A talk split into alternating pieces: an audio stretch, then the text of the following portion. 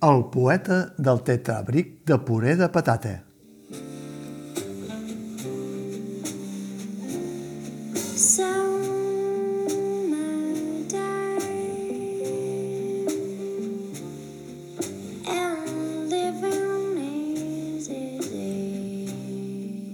Si l'artista Andy Warhol va inventar el disseny de les llaunes de la sopa Campbell's amb les seves pintures pop, perquè Elling, aquest personatge que ve del nord on, vistes les coses per les quals passen ell i el seu amic de l'ànima, ara potser ja no és tan clar que la gent sigui neta, noble, culta, rica, lliure, desvetllada i feliç, perquè Elling no pot difondre també la seva poesia dins de tetabrics de puré de patata. D'aquest Elling, un personatge de ficció creat per l'autor noruec Ingvar Ambjorsen, se n'han fet almenys tres pel·lícules i Ingvar Ambjorsen ha estat reconegut com un dels autors més importants de la literatura noruega contemporània. L'obra teatral, de la qual parteix el director Pau Carrió, ha passat abans per sis mans – les del mateix autor, l'adaptació d'Axel Eustenius,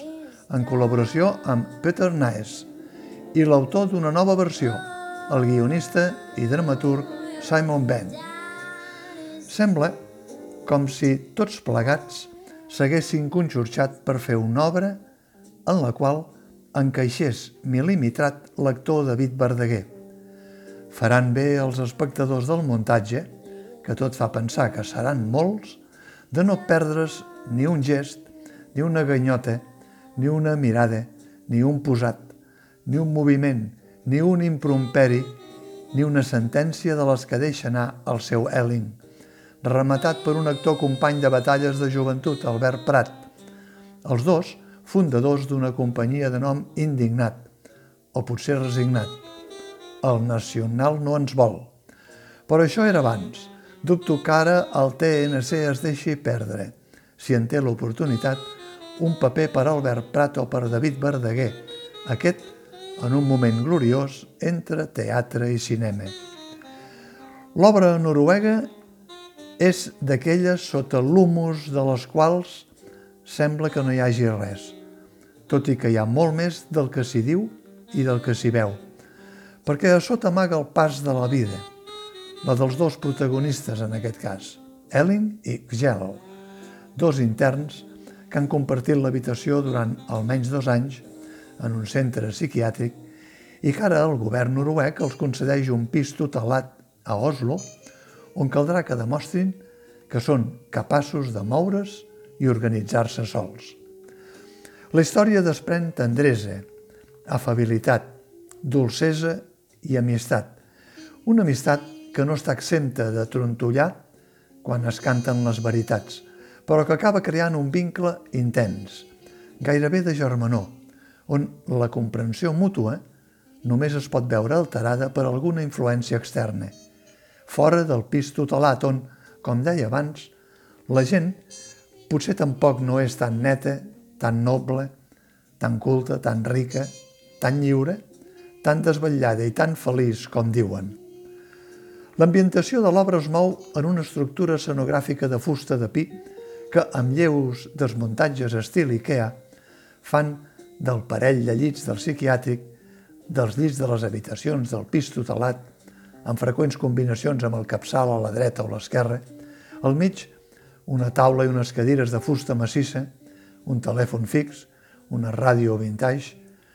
uns armaris a banda i banda i uns mòduls que ambienten en un plisplàs, ja sigui un bar de poesia alternativa o una tarima per cantar a cor que vols, o un espai on un poeta veterà i reconegut que ha penjat els hàbits apareix com un àngel caigut amb l'intent de confondre els espectadors sobre les seves veritables intencions.